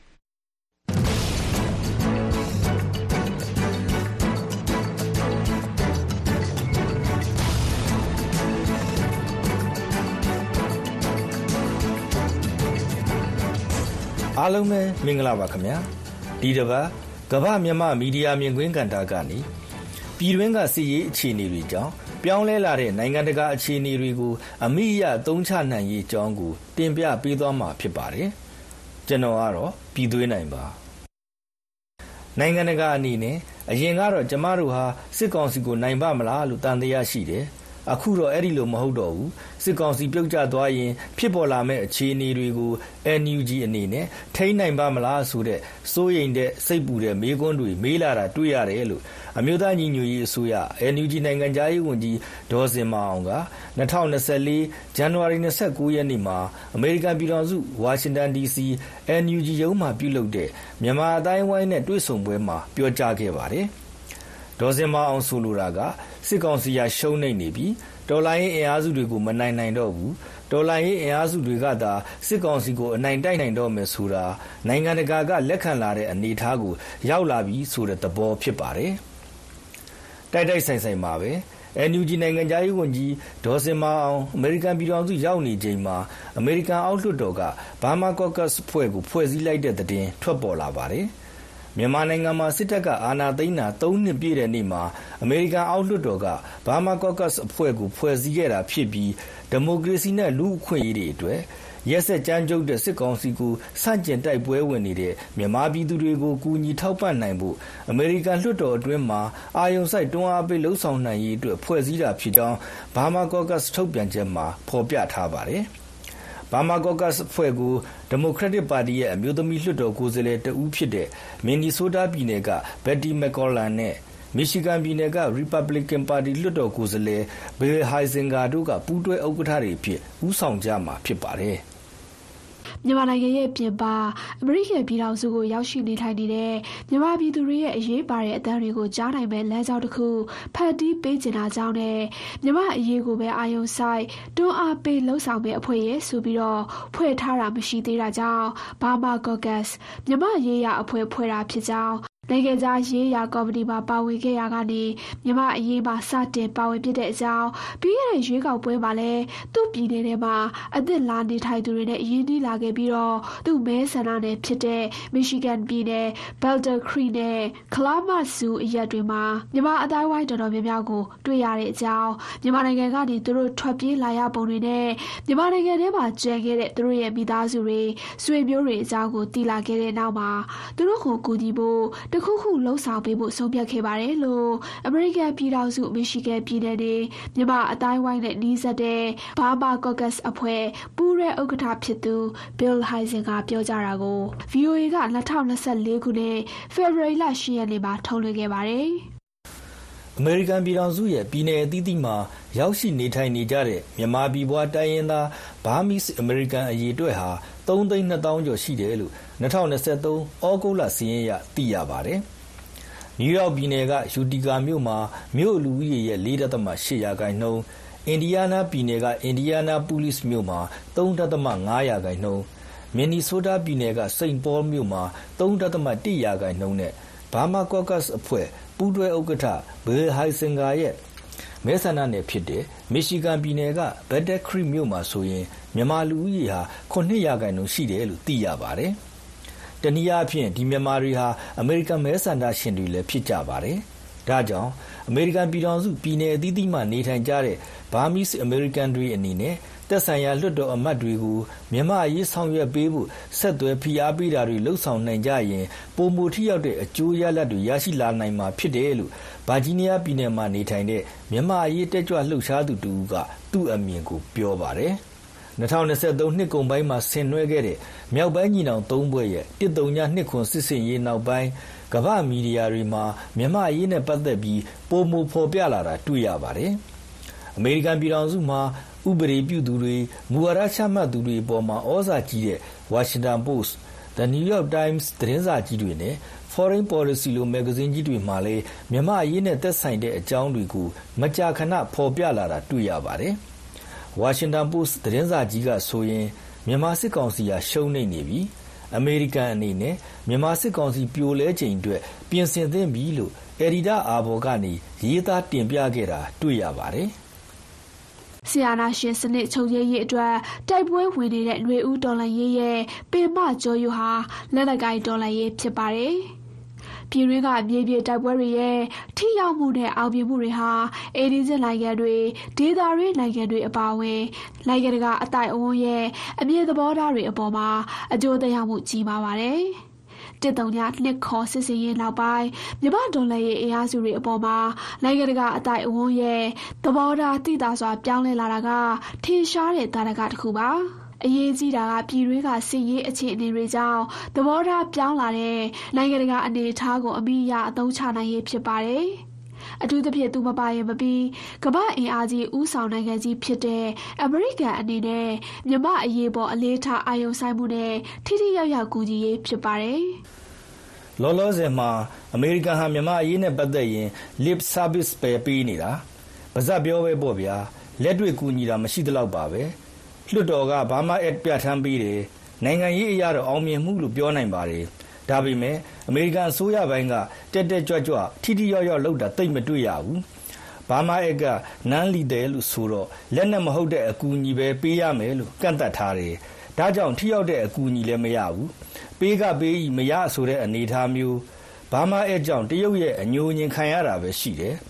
ဒီတော့ မြမအရေးမှာ အစိုးရပိုင်းက ထိထိရောက်ရောက်ဖြစ်အောင်လုပ်လာဖို့ ကူညီလာစေဖို့ဆိုရင် လွှတ်တော်ဘက်ကနေတဆင့် အစိုးရကို ဖိအားပေးဖို့လိုအပ်ပါတယ်။အဲဒီလို မြန်မာနွယ်ဖွား အမေရိကန်တွေအနေနဲ့ မိမိတို့ရဲ့သက်ဆိုင်ရာ လွှတ်တော်အမတ်တွေကို ဆက်သွယ်ဖိအားပေးကြတဲ့အခါ ပြည်နယ်တွေအချင်းချင်း ချိတ်ဆက်ပြီး ပြောဆိုတင်ပြတဲ့အကြောင်းအရာတွေဟာ အခြေခံအားဖြင့် တူညီဖို့ တသံတည်းထွက်ကြဖို့နဲ့ဒီဇိုင်းမတ်မတ်လှုပ်ဆောင်ကြဖို့လည်း လိုအပ်ပါတယ်။ အဲ့ဒါမှသာထိရောက်တဲ့အရွေးတစ်ခု ပေါ်ပေါက်လာမယ်လို့ယူဆတဲ့အကြောင်းနိုင်ငံရေးလေ့လာသူတူကပြောပါတယ်။နိုင်ငံရေးလေ့လာသူတူပြောသလိုပါပဲ။အမေရိကန်လွှတ်တော်ကချမှတ်တဲ့ဥပဒေတရပ်အပေါ်အစိုးရကအကောင့်တွေဖော်တဲ့နေရာမှာလွှတ်တော်ကပဲစောင့်ကြည့်ဖိအားပေးလိရှိပါတယ်။ဒီနေရာမှာလွှတ်တော်အမတ်တွေနဲ့ထိစပ်နေတဲ့အမေရိကန်ပြည်နယ်အသီးသီးကမဲဆန္ဒရှင်မြန်မာနွယ်ဘွားအမေရိကန်တွေရဲ့အခန်းကဏ္ဍကအရေးပါလာတယ်လို့ဆိုရမှာပါခင်ဗျာ။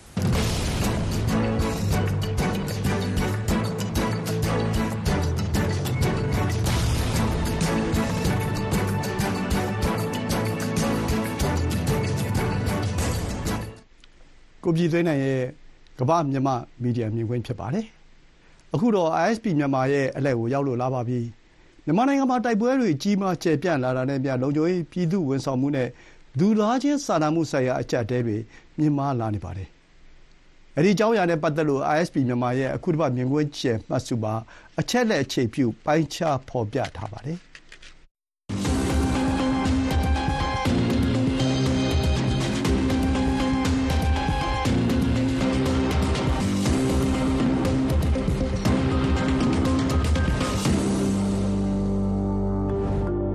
အာနာသိမ့်မှုအလွန်၃နှစ်တာကာလအတွင်း ISP မြန်မာရဲ့လေးလာစောင့်ကြည့်မှုတွေအရလုံခြုံရေးဆိုင်ရာပြင်းထန်တက်ရောက်မှုပိုပြီးမြင့်မားလာနေပါတယ်။အခုနှစ်ဖေဖော်ဝါရီလမှာလုံခြုံရေးဆိုင်ရာပြင်းထန်တက်ရောက်မှုမြင့်မားနေတဲ့မြို့နယ်154မြို့နယ်အထိရှိလာပါတယ်။2023ခုနှစ်နိုဝင်ဘာလမှာရှိခဲ့တဲ့141မြို့နယ်ကနေမြင့်တက်လာတာပါ။ဒါဟာတနိုင်ငံလုံးရဲ့မြို့နယ်ထောက်ဝက်လောက်မှာ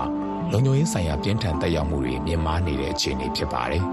။စကိုင်းနဲ့ရှမ်းမှာအဆိုးအဆုံးဖြစ်ပြီးတော့စကိုင်းတိုင်းမှာ29မြို့နယ်နဲ့ရှမ်းပြည်နယ်မှာ24မြို့နယ်အသီးသီးရှိနေပါတယ်။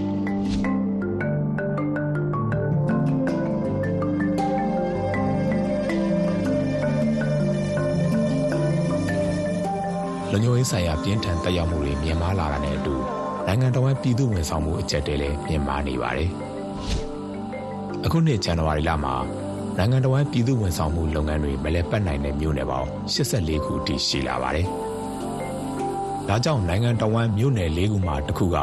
ပြည်သူ့ဝန်ဆောင်မှုအကျပ်တဲနဲ့ရင်ဆိုင်နေရတယ်လို့ဆိုရမှာပါ။စကိုင်းတိုင်းကအများဆုံးရင်ဆိုင်နေရပြီးမြို့နယ်19ခုမှာပြည်သူ့ဝန်ဆောင်မှုလုပ်ငန်းတွေမလဲပတ်နိုင်ပါဘူး။ရခိုင်ပြည်နယ်မှာလည်းမြို့နယ်18ခုရှိတဲ့အနက်12ခုမှာပြည်သူ့ဝန်ဆောင်မှုအကျပ်တဲကြုံနေပါတယ်။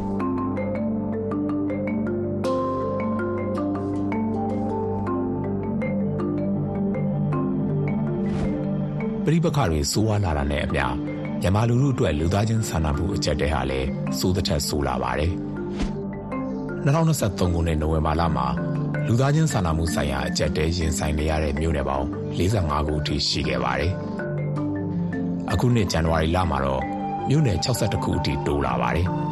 ။စကိုင်းတိုင်းရဲ့22မြို့နယ်မှာအဆိုးအဝါဆုံးကြုံနေရတာပါ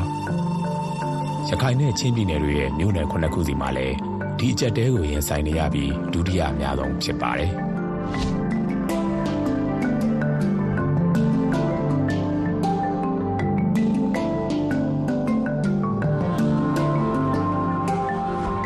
လူသားချင်းစာနာမှုအကြက်တဲကိုဖြည့်ရှင်းနိုင်မှုနိုင်ငံတကာအတိုင်းအဝန်ကလည်းဖတ်ပေါင်းစုံကနေစ조사လာကြပါတယ်။ထိုင်းမြန်မာနယ်စပ်မှာလူသားချင်းစာနာမှုဆိုင်ရာဘေးကင်းဆောင်တစ်ခုကိုတိစောက်သွားမယ်လို့အခုလဆန်းပိုင်းမှာထိုင်းနိုင်ငံသားရေးဝန်ကြီးကပြောခဲ့ပါတယ်။ လူဦးရေ2000အတွက်စားနပ်ရိက္ခာစေဝါအပြင်လိုအပ်တာတွေပေးရသွားမှာပါ။ထိုင်းနဲ့မြန်မာကြက်ကျင်တွေအဖွဲ့တွေပူးပေါင်းဆောင်ရွက်သွားမယ်လို့ဆိုပါတယ်။အာဆီယံရဲ့လူသားချင်းစာနာမှုဆိုင်ရာအကူအညီပေးရေးစင်တာဟာစင်တာကလည်းပါဝင်သွားဖို့ရှိပါတယ်။အခုအစီအစဉ်ကိုထောက်ခံပေးဖို့တရုတ်နဲ့အမေရိကန်နိုင်ငံတို့ကိုလည်းထိုင်းဆိုရကတိုက်တွန်းထားပါတယ်။ ခုတော့မြန်မာပြည်က ပေးစာများတဲ့က လူမှုအသံတွေကို နားထောင်ကြအောင်ပါမတ်အေးတန်တကျော် က တင်ဆက်ထားပါတယ်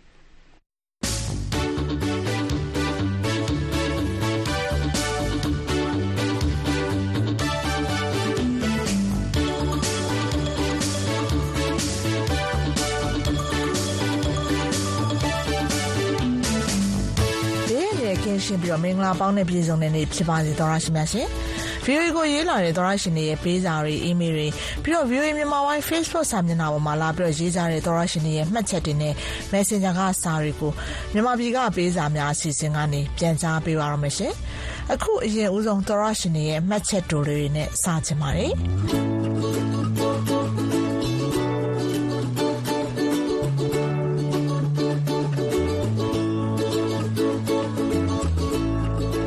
ဇင်မာလှိုင်ဆိုတဲ့သောရရှင်က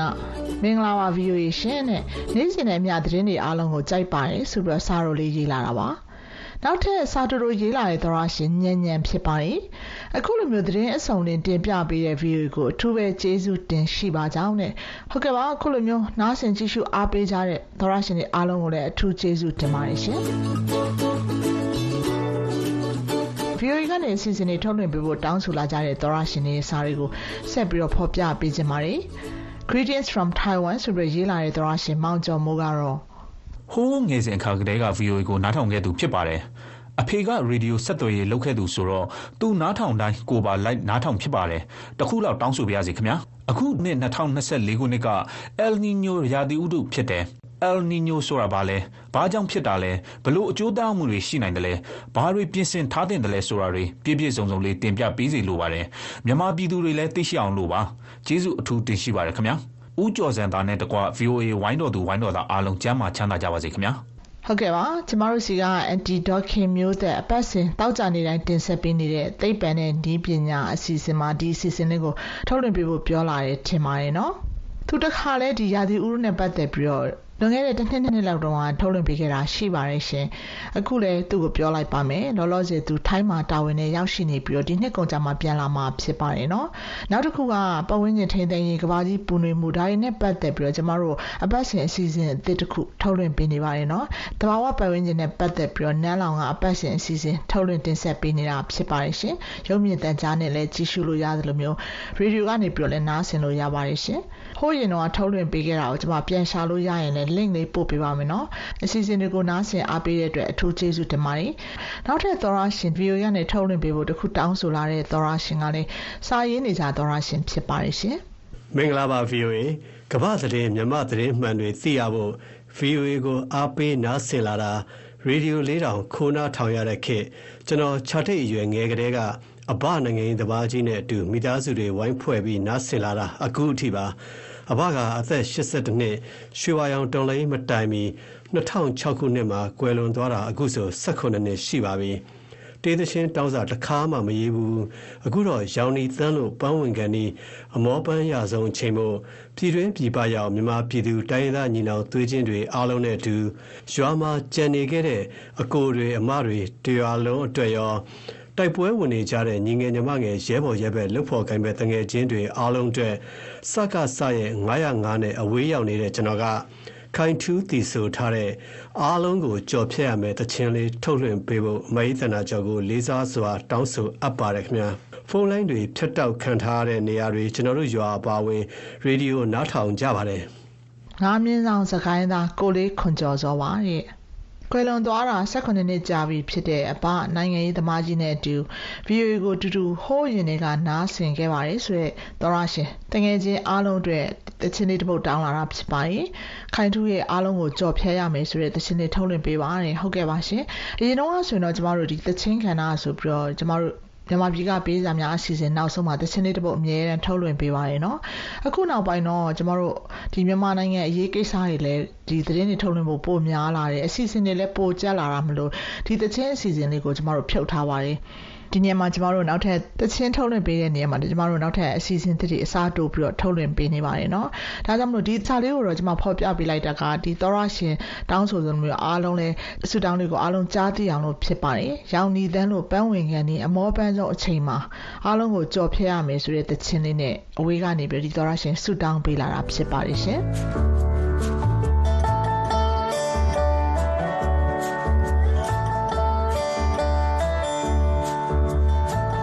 VOA ကိုပတ်စင်စာရေးလာကြတဲ့အထက်မှာမြန်မာနိုင်ငံက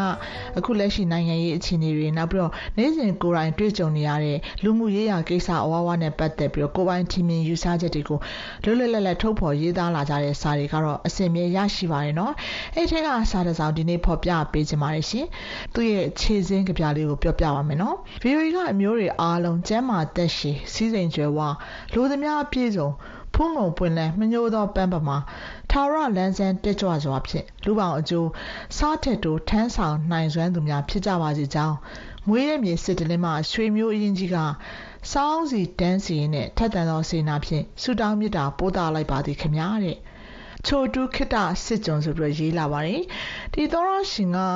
သူရေးလာတာအစာတော်တော်ရှိပါတယ်ရှင်ကျွန်မအနှစ်ချုပ်ပြီးဖော်ပြပေးခြင်းပါတယ် ယူကရိန်းရှေ့ပိုင်းဒေသရှိ ကျေးရွာတွေကို ပြန်လည် သိမ်းပိုက်လိုက်နိုင်တဲ့ စစ်သည်တွေကို သမ္မတဇယ်လင်းစကီးကဂုံပြူအတိမတ်ပြု ချီကျူးစကား သူ့ရဲ့ နေ့စဉ်မိန့်ခွန်းမှာ ပြောကြားတယ်ဆိုတဲ့သတင်းကို နားဆင်လိုက်ရတော့ ယူကရိန်းသမ္မတဟာ အမေရိကန်က လေရင်နဲ့ လာခေါ်မယ်ဆိုတာတောင်မပြည်သူတွေကို ရန်သူလက်ထဲထား လိုက်ပါသွားမယ့်အဖြစ်ကို ငြင်းဆန်ခဲ့ပြီး စစ်မြေပြင်ဆင်းကာ ယူကရိန်းစစ်သည်တွေကို ဂုဏ်ယူ အားပေး စည်းရုံး ဦးဆောင်မှု ပေးခဲ့တဲ့သူပါ။ အပြောကြီးမဟုတ်ဘဲလက်တွေ့တိုက်ပွဲဝင်ရင်းစီးရေးလိုအပ်ချက်မှန်သမျှကိုကဘာတိအောင်ချပြကာအကူအညီတောင်းခံနိုင်သူပါ။မိုင်းတနာကျော်ကြီးစာရှင်မှာဆိုလို့ဝါကြတကြောင်းနဲ့လူသမျှအနစ်ချုပ်ပါအောင်စူးစမ်းရေးပေမဲ့အဲ့မာရင်စာကြောင်းကရှေ့သွားတော့တာပါအနစ်ချုပ်ပြောရရင် စစ်ဘေးအငတ်ဘေးဓာလန်လက်နက်ဘေးမိဘေးရေဘေးမုန်တိုင်းဘေးယောဂဘေးကုံစင်းနှုံဘေးစသည်ဘေးပေါင်းစုံတာမကဘဲအချိန်ဘာကြောင့်မှမသိအဖမ်းခံအသက်ခံရမယ့်အရေးပူပင်ကြောင်းကြတောကပေါင်းအစုအဝေးဖြင့်နေ့တထိတ်ထိတ်ညတထိတ်ထိတ်နေကြရရှာတဲ့တော်လန်ရေးဘယ်တော့ပြီးမှလဲလို့ သုံးနှစ်ကြာသည့်တိုင်ညှိုးငယ်သောမျက်နှာထားဖြင့်တမေးတဲ့မင်းနေကြရရှာတဲ့ရန်သူလက်ခုပ်တွင်းကမြန်မာပြည်သူတွေအတွက်ကျွန်တော်တို့မြန်မာနိုင်ငံတော်လန်ရေးရဲ့မီးရှုတစောင်းတပ်ဦးအလံဖြစ်တဲ့ NUG သမရာကြီးကဇလင်စကီလိုနေ့စဉ်မိန့်ခွန်းများဖြင့်ကဘာတိထင်ရှားအောင် ပြသပေးနေသူဖြစ်ပါစေလို့ NUG ပြည်သူ့အစိုးရကိုယုံကြည်အားကိုးဝန်းရံထောက်ခံသော ပြည်သူတို့အနေနဲ့ VOA သတင်းနားထောင်ရင်းမှဖြစ်ပေါ်လာသောရင်တွင်းဆန္ဒကိုရိုသေလေးစားစွာ တင်ပြအပ်ပါသည်ခင်ဗျာခိတာစစ်ကြွန်ချိုတူးဆိုပြီးတော့နောက်လဲစာရေးပါအောင်မယ်တဲ့တက်နိုင်သမျှလိုရင်းတူရှင်ပေါ်တဲ့စစ်တပ်မှလွယ်ရီလူသားတိုင်းကိုချစ်တော်ကျွန်တော်တဲ့သောရရှင်ချိုတူးဖြစ်ပါတယ်။ NUG ပြည်သူ့အစိုးရရဲ့သမရာကြီးနေ့စဉ်မိန့်ခွန်းပြောကြားပေးပါဆိုတော့ဒီသောရရှင်တောင်းဆိုလာတာဖြစ်ပါတယ်ရှင်။ သောရရှင်တွေရဲ့ရင်ဖွင့်စာတွေကိုဒီနေ့တော့ဒီမှာရက်ချင်ပါတယ်နော်အားလုံးပုံမကောင်းမွန်အဆင်ပြေလှပတဲ့နေ့ရက်တွေအများဆုံးပိုင်ဆိုင်နိုင်ပါစေလို့တောင်းဆုပြုပါရရှင်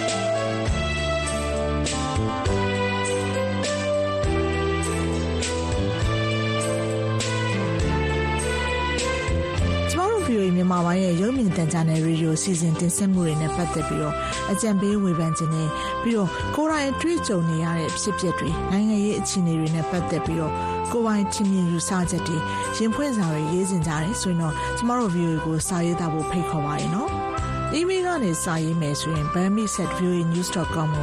မြန်မာပြည်မှာပေးစာများအစီအစဉ်ဆိုပြီးတော့ရေးသားပေးပို့နိုင်ပါတယ်။ Facebook အသုံးပြုတဲ့သူတွေအနေနဲ့လည်း VOA Burmese News ဆိုတဲ့ VOA မြန်မာပိုင်းရဲ့ Facebook စာမျက်နှာကိုတွားပြီးတော့မှတ်ချက်တွေလာပြီးတော့ရေးနိုင်တယ်လို့ VOA မြန်မာပိုင်း Facebook Messenger ကနေပြောလဲစာရေးပို့လို့ရပါတယ်။သောရရှင်တွေစီကတုံ့ပြန်အကြံပြုလာမှာတွေကိုစောင့်မျှော်ကြိုးစွနေပါတယ်ရှင်။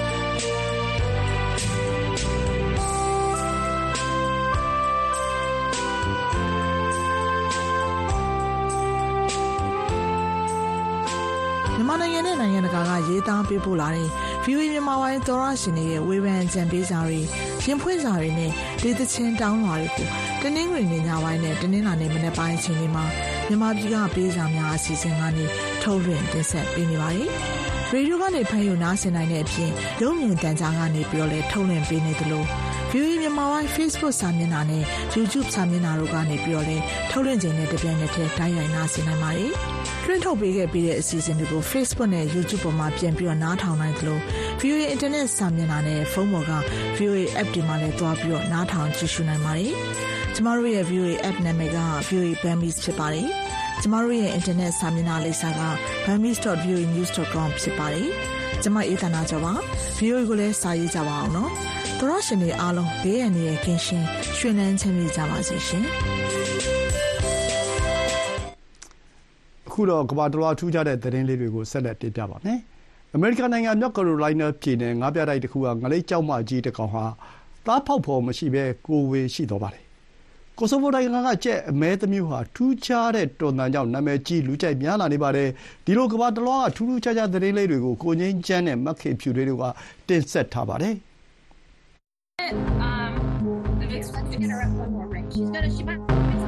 အမေရိကန်ပြည်ထောင်စုမြောက်ကာရိုလိုင်းနားပြည်နယ်ကငါးပြတိုက်တစ်ခုမှာငလိကျောင်းမကြီးတစ်ကောင်ဟာအထီးမပါပဲကိုဝင်ရသွားပါတယ်။ရှာလောလူနာမည်ပေးထားတဲ့ဒီငလိကျောက်ကြီးဟာဒီကိုယ်နဲ့နှစ်ပေါင်းများစွာနေလာခဲ့ပြီးတဲ့နောက်အခုလိုကိုယ့်ဘာသာကိုကိုဝင်ဆောင်သွားခဲ့တာပါ။နောက်လာမယ့်နှစ်ပတ်အတွင်းမှာမွေးမယ်လို့ခန့်မှန်းထားပါတယ်။ လိင်ဆက်ဆံမှုမရှိဘဲအထီးရဲ့တုပ်ပိုးနဲ့ထိတွေ့မှုမရှိဘဲဥကနေအကောင်ပေါက်တဲ့မျိုးပွားနှီးမျိုးနဲ့ကိုဝင်ရှိသွားတာဖြစ်တဲ့အကြောင်း Hendersonville မြို့မှာရှိတဲ့ငါးပြတိုင်းနဲ့ငမန်းတက်ခွဲခန်းအုပ်ချုပ်မှုဒါရိုက်တာ Brenda Rama ကပြောပါတယ်။အခုလိုဖြစ်ရပ်ဟာတိရစ္ဆာန်တွေမှာရှားပါးဖြစ်ရပ်မျိုးဖြစ်ပေမဲ့နို့တိုက်သတ္တဝါတွေမှာတော့မဖြစ်ဘူးလို့လည်းပြောပါတယ်ရှင်။ကိုဆိုဗိုနိုင်ငံကကြက်အမဲတစ်မျိုးဟာထူးခြားတဲ့တွန်တန်ကြောင့်နာမည်ကြီးလူကြိုက်များလာနေပါတယ်။ ဒီကမ္ဘာလုံးကကြက်တွေရဲ့တွန်တန်ဟာအောက်အီအီအိုဖြစ်ပေမဲ့ဒီကြက်အမဲရဲ့တွန်တန်ဟာ TV ဆက်တန်လို white noise အတန်လိုဖြစ်နေတာပါ။ကိုဆိုဗို long crower လို့နာမည်ပေးထားတဲ့ဒီကြက်ဟာမရက်မနာစက္ကန့်20ကနေစက္ကန့်90လောက်အထိဒီအတန်မျိုးနဲ့တွန်နိုင်ပါတယ်။တခြားကြက်အမဲမျိုးတွေကတော့2စက္ကန့်5စက္ကန့်နဲ့8စက္ကန့်လောက်အထိပဲတွန်းနိုင်တာပါ 2014ခုနှစ်မှာကြံမျိုးစံနှုန်းသတ်မှတ်ရေးဥရောပကော်မတီကကိုဆိုဗိုလောင်ခရိုအာကိုကြံမျိုးတစ်မျိုးအဖြစ်သတ်မှတ်ပေးခဲ့ပါတယ်သူမွေးထားတဲ့ကြံမျိုးတွေဟာဒေသတွင်းမှာပဲရနိုင်တဲ့ကြံမျိုးတွေဖြစ်တယ်လို့ကိုဆိုဗိုနိုင်ငံမြို့တော်ပရက်စင်တီနာကကြံမွေးမြူသူပရစ်အလူကပြောပါတယ်ဒါကြောင့်မို့လို့တခြားကြက်မျိုးတွေထက်အခုလိုထူးခြားတဲ့အတန်ရှိတဲ့ကြက်မျိုးကိုပိုသဘောကျတယ်လို့လည်းသူကပြောပါတယ်ခင်ဗျာ နိုင်ငံအနောက်ပိုင်းကတငယ်ချင်းနှစ်ယောက်ဟာအမြင့်ပေ52ပေရှိတဲ့အီဖယ်မျော်စင်ပုံတူတစ်သားမျော်စင်ကြီးတစ်ခုကိုပြန်လည်အသုံးပြုတဲ့တစ်သားတွေနဲ့တိစောက်နေပါတယ်။အခုလိုသူတို့တိစောက်ခဲ့တဲ့တစ်သားအီဖယ်မျော်စင်ပုံတူကို2024ခုနှစ်ပြင်သစ်နိုင်ငံမှာကျင်းပမဲ့နွေရာသီအိုလံပစ်ပြိုင်ပွဲမှာကျင်းပမဲ့နေရာနဲ့အိုလံပစ်မီးရှူးတိုင်းတည်ဆောင်တဲ့လမ်းတစ်လျှောက်နေရာအနှံ့မှာပြသနိုင်မှုလည်းမျှော်လင့်ထားပါတယ်။အသက်38နှစ်အရွယ်လက်သမား Friedrich Mamesack နဲ့အသက်46နှစ်အရွယ် CVM ပူချာတို့ကတက်နိုင်သမျှပစ္စည်းဟောင်းတွေကိုပဲသုံးထားပြီးစွန့်ပစ်ပစ္စည်းတွေကနေအခုလိုကြီးကျယ်တဲ့ပစ္စည်းတစ်ခုကိုတိစောက်ပြတာလို့ပြောပါတယ်။တစ်သားချောင်းပေါင်း825ချောင်းနဲ့မူလီပေါင်း9400ကိုအသုံးပြုပြီးပြီးခဲ့တဲ့နှစ်2023ခုနှစ်စက်တင်ဘာကလေးကတိစောက်ခဲ့ကြတာပါ။ သူတို့တွေကတူဖြစ်တဲ့ပူချာဟာဝီချက်လက်တွန်းလဲကိုအသုံးပြုရတဲ့မတန်ဆွမ်းတူဖြစ်ပြီးတော့အခုလိုမျောစင်တိဆောက်တဲ့နေရာမှာပါဝင်ခွင့်ရတဲ့အတွက်လည်းလက်သမားပညာကိုသင်ယူခွင့်ရခဲ့တယ်လို့မတန်ပေမဲ့စွမ်းပါတယ်ဆိုတာပြသခွင့်ရခဲ့တဲ့အကြောင်းပြောပါရရှင်အိန္ဒိယအစားအစာတစ်မျိုးဖြစ်တဲ့ butter chicken လို့ခေါ်တဲ့ ကြက်သားအချိုချက်ဟင်းတစ်မျိုးရဲ့မူလပိုင်ရှင်ဖန်တီးသူအဖြစ်အိန္ဒိယနိုင်ငံကစားတောက်ဆိုင်နှစ်ဆိုင်အငင်းပွားပြီးတရားရုံးမှာဖြေရှင်းနေကြပါတယ်။မြူးဒေလီမြို့တော်ကနာမည်ကျော်မွန်တီမဟယ်ဆိုင်နဲ့ပြိုင်ဘက်ဒါရီယန်ဂန်ဂျီဆိုင်ကြားအငင်းပွားနေတာဖြစ်ပြီးတော့အိန္ဒိယနိုင်ငံတဝန်းလူစိတ်ဝင်စားတဲ့အမှုတစ်ခုလည်းဖြစ်ပါတယ်။စာမျက်နှာ2952မျက်နှာရှိတဲ့တရားရုံးဆွဲဆိုချက်အရမိုတီမဟယ်စားတောက်ဆိုင်ကသူတို့တီထွင်ထားတဲ့ဟင်းနှမျိုးကို ဒါရန်ကန်ဂျီဆိုင်ကသူတို့တီထွင်တယ်လို့ပြောဆိုကြေညာတဲ့အတွက်နစ်နာကြေးဒေါ်လာ2သိန်း4တောင်းတောင်းဆိုထားပါတယ်။ဒါအပြင်ဒါရန်ကန်ဂျီဆိုင်ရဲ့အင်တာနက်စာမျက်နှာဟာလည်းသူတို့ပုံစံကိုလိုက်တူကူးယူထားတာဖြစ်ပြီးတော့ဆိုင်ရဲ့အတွင်းပိုင်းအပြင်အစင်တွေကိုလည်းလိုက်ကူးထားတယ်လို့ဆွဆွဲထားပါတယ်။ဒါရန်ကန်ဂျီဆိုင်ဟာ2019ခုနှစ်မှာအသစ်ဖွင့်လှစ်ခဲ့တာဖြစ်ပြီးတော့သူတို့မျိုးဆက်တွေဟာလည်းဝန်တီမဟန်စားတောက်ဆိုင်တီထောင်သူနဲ့လက်တွဲလှုပ်ဆောင်ခဲ့တာဖြစ်ပြီး 1948ခုနှစ်ဒေလီမြို့မှာဆိုင်ဖွင့်ခဲ့တဲ့အချိန်မှာတီထွင်ခဲ့တဲ့အကြောင်းတုံ့ပြန်ထားပါတယ်။ဒီအမှုကြောင့်အိန္ဒိယနိုင်ငံရုပ်သံ TV လိုင်းတွေမှာဒီကြက်သားအချိုချက်ဟင်းရဲ့တမိုင်းကြောင်းကိုလွှင့်နေသလိုလူမှုကွန်ရက်မီဒီယာတွေမှာလည်းအငင်းပွားနေကြပါတယ်။ကမ္ဘာအကောင်းဆုံးဟင်းလျာထဲမှာဒီဟင်းလျာကိုနံပါတ်43အဖြစ် Taste Atlas အသုံးပြုသူတွေ၄သိန်းလောက်ကသတ်မှတ်ထားပြီးတော့ထောဘက်ကြက်သွန်ပြူဖြူးထားတဲ့နံပြားနဲ့တွဲဖက်စားသုံးလေးရှိတာပါ။ ဒီအမှုကိုဒေလီအထက်တရားရုံးကပထမဆုံးအကြိမ်ကြားနာခဲ့ပြီးနောက်ရုံးချိန်ကတော့မေလထဲမှာပါခင်ဗျာခုတော့ကြံနေသေးတဲ့အချိန်မှာတရင်ကြည့်ကြုတ်ကိုပြောပြပါဦးမယ်